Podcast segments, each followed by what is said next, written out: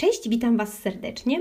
Pomyślałam sobie, że ponieważ ciągle jestem na fali nauki do egzaminów, do sesji, która mnie czeka już za tydzień i za dwa tygodnie, i że na podstawie tych moich doświadczeń opowiem Wam o sposobach rozładowywania stresu, jakie wybieramy.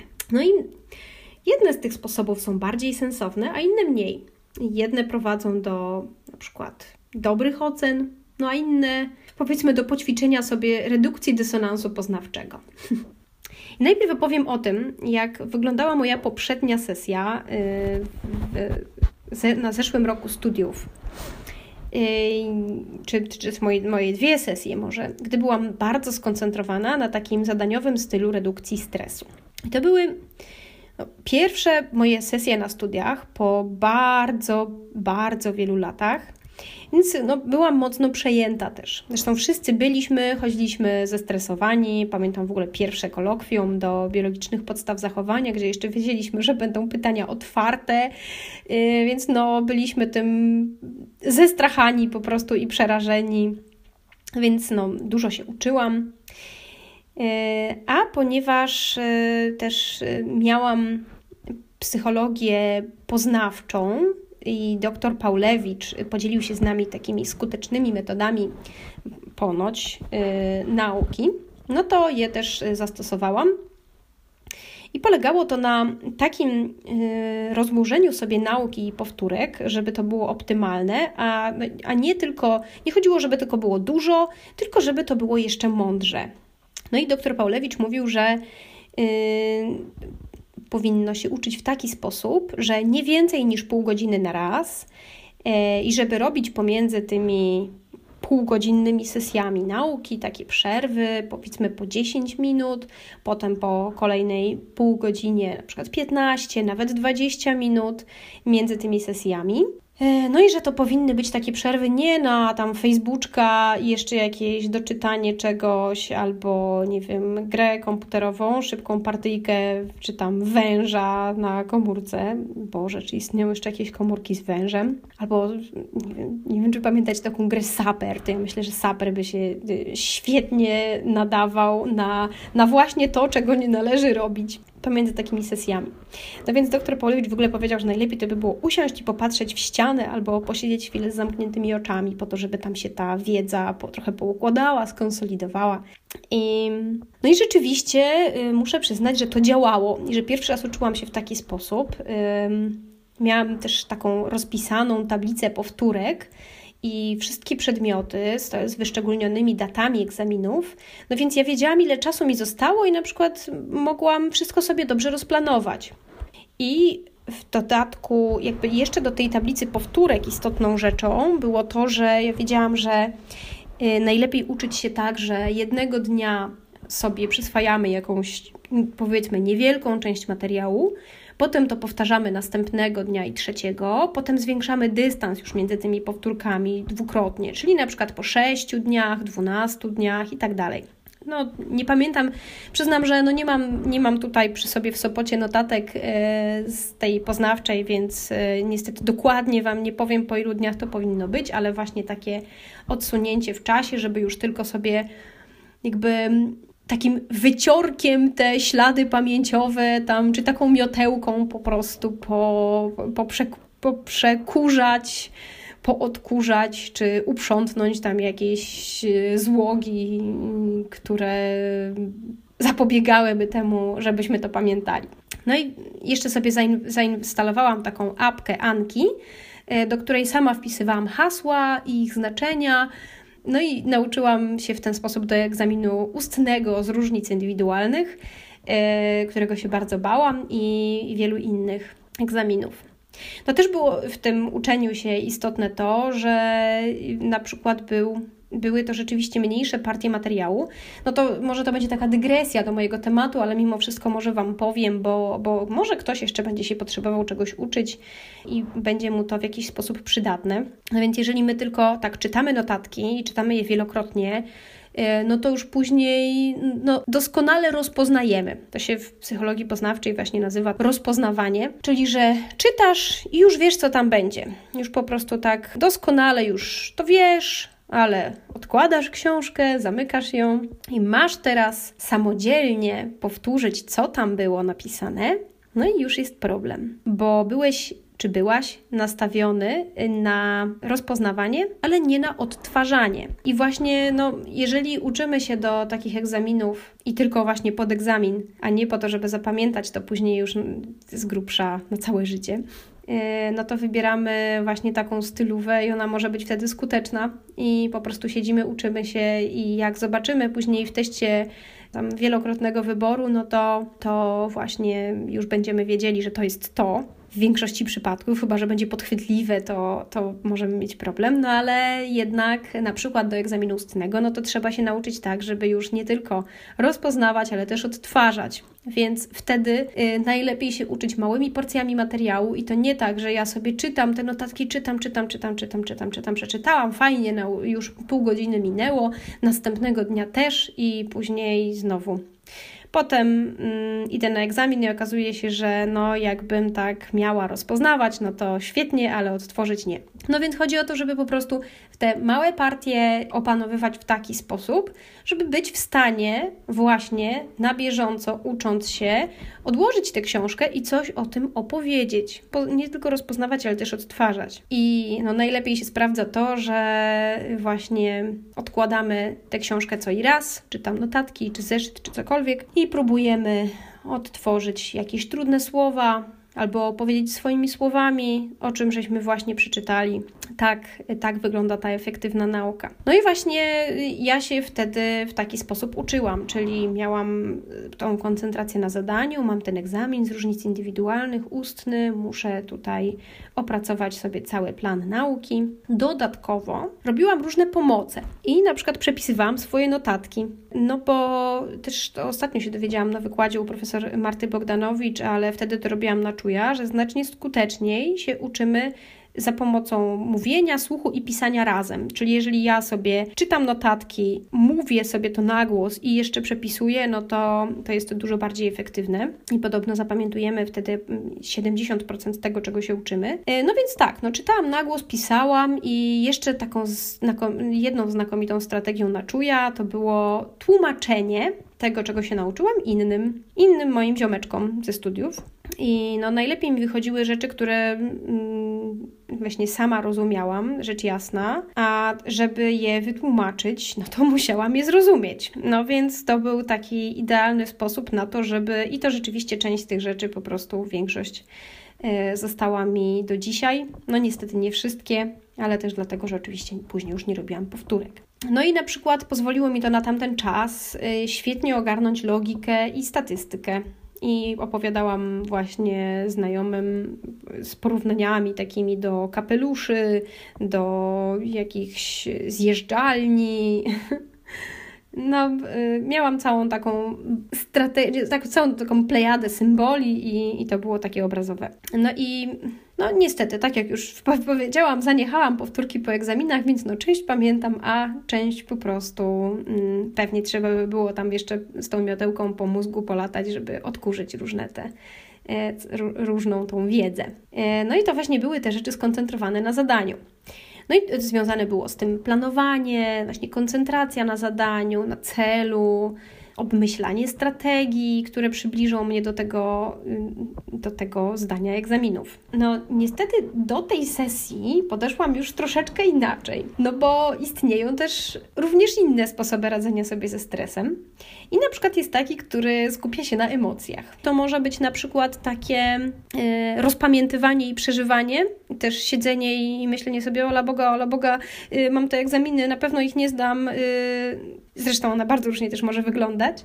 Na przykład ma po prostu odciągnąć naszą głowę od niepokoju i nauki, która ten niepokój wywołuje. I no i fajnie to jest, fajnie jest na przykład to zrobić, jak już troszeczkę pozakuwaliśmy. No gorzej, jeżeli koncentrowaliśmy się tylko na czynnościach zastępczych, bo, bo to jest też takie właśnie unikanie tych emocji.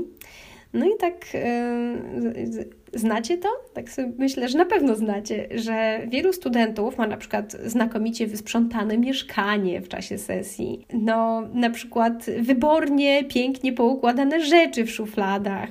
Nagle zrobiony porządek w skarpetkach, umyte okna, pościerane kurze. I to w ogóle z góry szafy wymyte listwy przypodłogowe, na przykład, które wcześniej y, już miały taką solidną warstewkę kurzu. I no, to też jest poniekąd koncentracja na zadaniu, ale całkiem innym niż trzeba. No bo nagle to strategiczne staje się właśnie to upieczenie ciasta czekoladowego na przykład, którego przepis po prostu już wisi na lodówce i już nawet taki kartka zrobiła się pożółkła albo wyblakła. Ja na ten przykład teraz y, nagrywam podcast. nagrywam podcasty, piszę książkę, Dumam też nad tym, na przykład, co napiszę na blożku. Kąpię psy, biegam. O, i układam wierszyki. Układam wierszyki, które nazywam żenującymi wierszykami psychologicznymi. One oczywiście są w temacie, do którego się uczę, no i można by rzec, że to jest taka znakomita strategia, no bo przecież dzięki temu zapamiętuję. Ale powiem Wam szczerze, że guzik tam zapamiętuje. No może, no może troszeczkę. I w ogóle mo mogę Wam zacytować jeden taki wierszyk, który napisałam e, ucząc się do psychopatologii i to jest wierszyk o urojeniach. Już Wam go czytam. Rzecz dziś będzie o urojeniach, czyli zaburzeniach treści myślenia. Choć różne przyodziewają ubranka, to istnieje konkretna przesłanka, by próbować stawiać diagnozy złociste, że choć ich nie ma, dla chorego są oczywiste. Prześladowcze urojenie ma taki gość, co myśli, że wciąż łazi za nim ktoś i doszukuje się poważnych teorii spisków, choćby i nawet z psich i krowich pysków.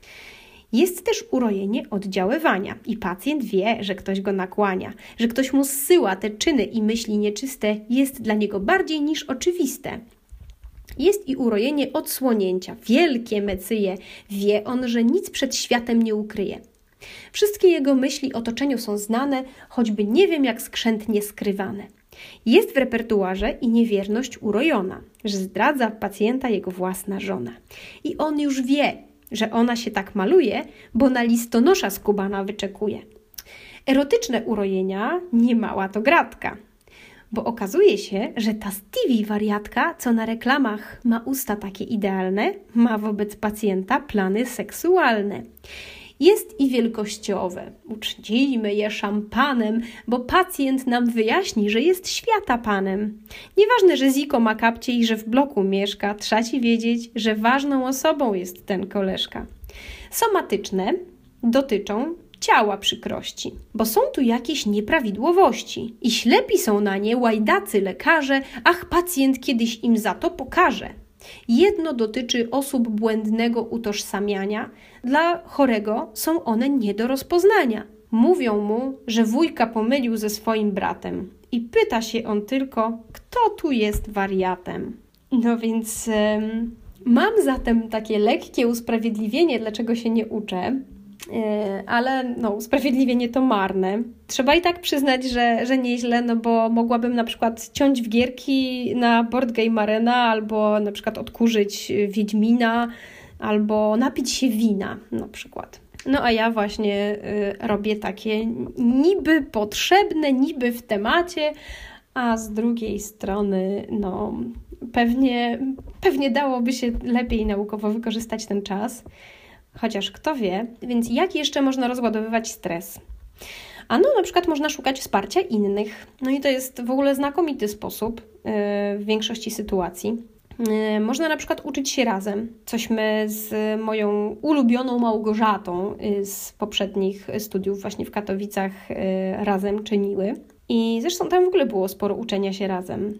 No ale no, z koleżanką czy kolegą można też iść na wino. No wiecie, żeby nie myśleć, więc niestety wsparcie może wyglądać i tak, czyli nie, nie szczególnie doprowadzi nas, bardziej doprowadzi nas do kaca niż do y, pomyślnych wyników egzaminów.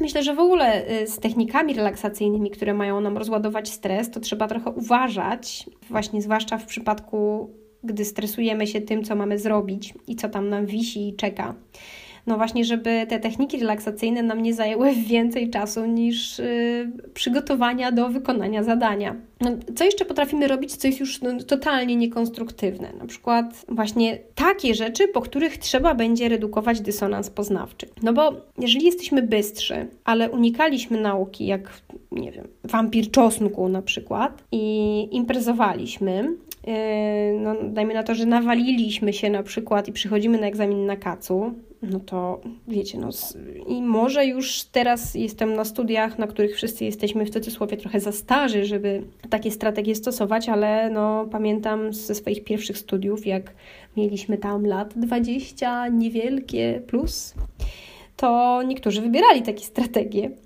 żeby poczuć się lepiej. No, no bo też, jeżeli zaliczyłem ten egzamin na kacu, myślał sobie taki gość, to jakbym go zaliczył w pełni sił, po prostu to byłoby w ogóle, bym zajebiście go napisał, skoro no tak nawet jako tako napisałem go na kacu. To już bardziej jest taki case człowieka, słuchajcie, o rąbniętej samoocenie i po prostu lęku przed niespełnieniem swoich wysokich oczekiwań. To bardziej powiedziałabym.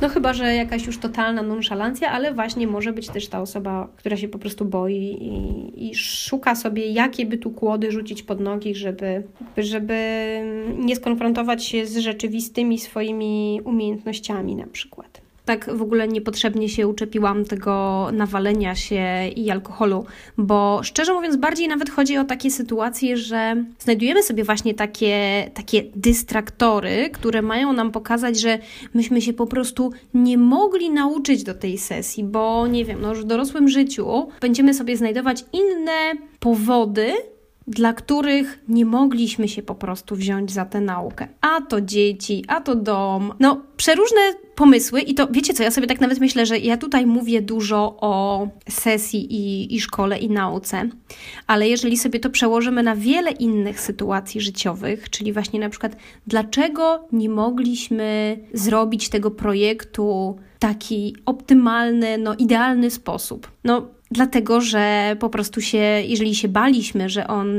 że nie, jakby, że jeżeli zrobimy go na maksa się koncentrując i na maksa będziemy dobrze próbowali, a on nie wyjdzie dobrze, to wtedy będziemy bardzo źle się czuli sami ze sobą.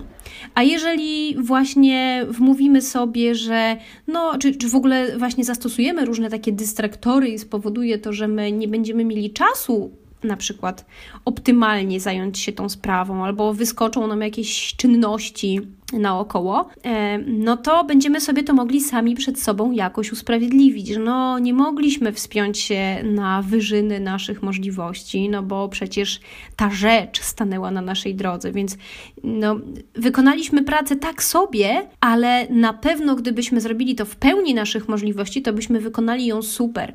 Myślę też, że na przykład w sporcie bardzo dużo takich rzeczy może być, że przygotowujemy się długo do jakichś zawodów i to jest ten jeden dzień, kiedy musimy być przygotowani zajebiście, a my na przykład y, się nie wyśpimy. Albo dzień wcześniej robimy jakieś totalne głupoty, łazimy po słońcu zamiast na przykład właśnie odpoczywać. Potem na tych zawodach już nam nie idzie tak dobrze, i możemy to sobie zwalić właśnie nie na to, że myśmy się chujowo przygotowali albo po prostu kiepsko pobiegli, tylko właśnie, że się nie wyspaliśmy. E, zwróćcie uwagę na przykład, jak często e, jakby w lęku przed tym, że nie pójdzie nam idealnie, ktoś nam mówił, że się tak w ogóle nie przygotowywał. I potem właśnie, potem na przykład wychodzi mu słabo i mówi, ha, i tak na to, jak ile czasu poświęciłem tam na to, żeby się do tego przygotować, to i tak wyszło super.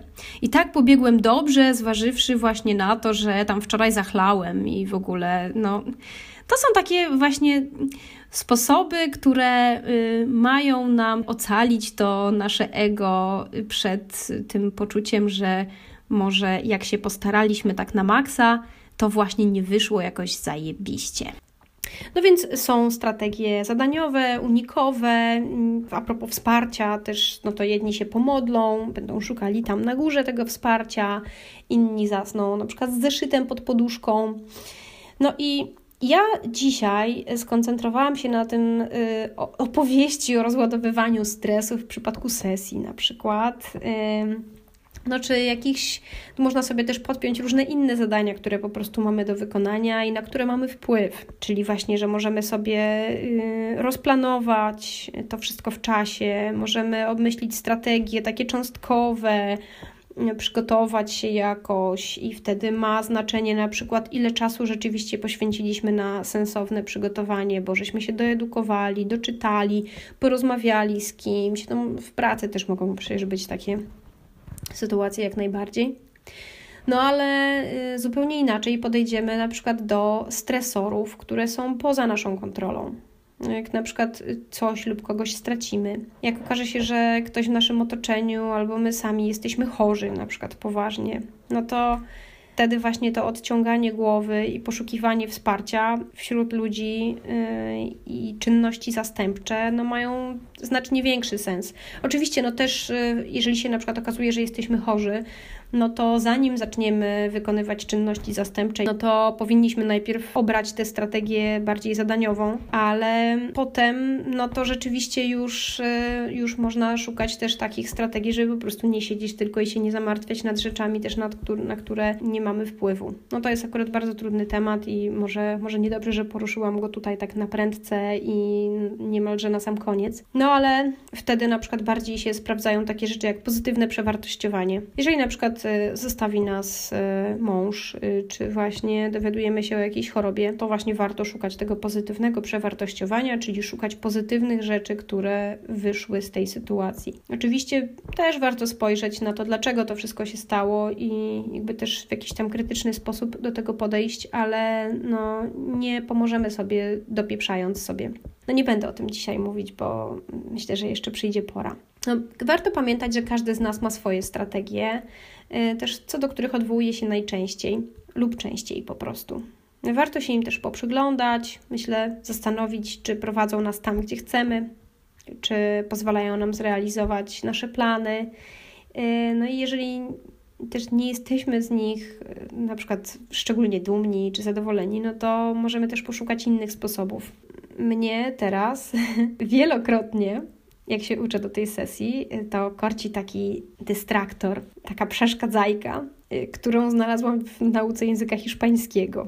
No ale no zdecydowanie myślę, że na ten moment będzie chyba bardziej pożytecznie, jeżeli jednak poczytam o, o mamach i odsunę od siebie y, też tę reduku, redukującą dysonans poznawczy myśl, że oceny nie są takie ważne, bo, bo tak właśnie może wyglądać ten dysonans ta redukcja, przepraszam, dysonansu. No, niby nie są, a z drugiej strony na przykład potem od ocen zależy stety czy niestety, u kogo możemy pisać pracę magisterską, więc jednak trochę, mm, trochę są ważne.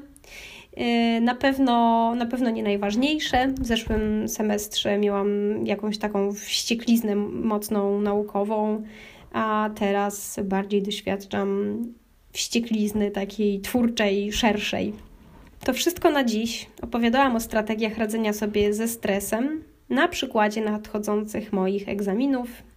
I to było, e, była strategia zadaniowa, skoncentrowana na zadaniu, skoncentrowana na emocjach, na unikaniu, czyli odcinaniu się od tych emocji, szukanie właśnie czynności zastępczych. Także dziękuję za wysłuchanie dzisiaj. Do usłyszenia.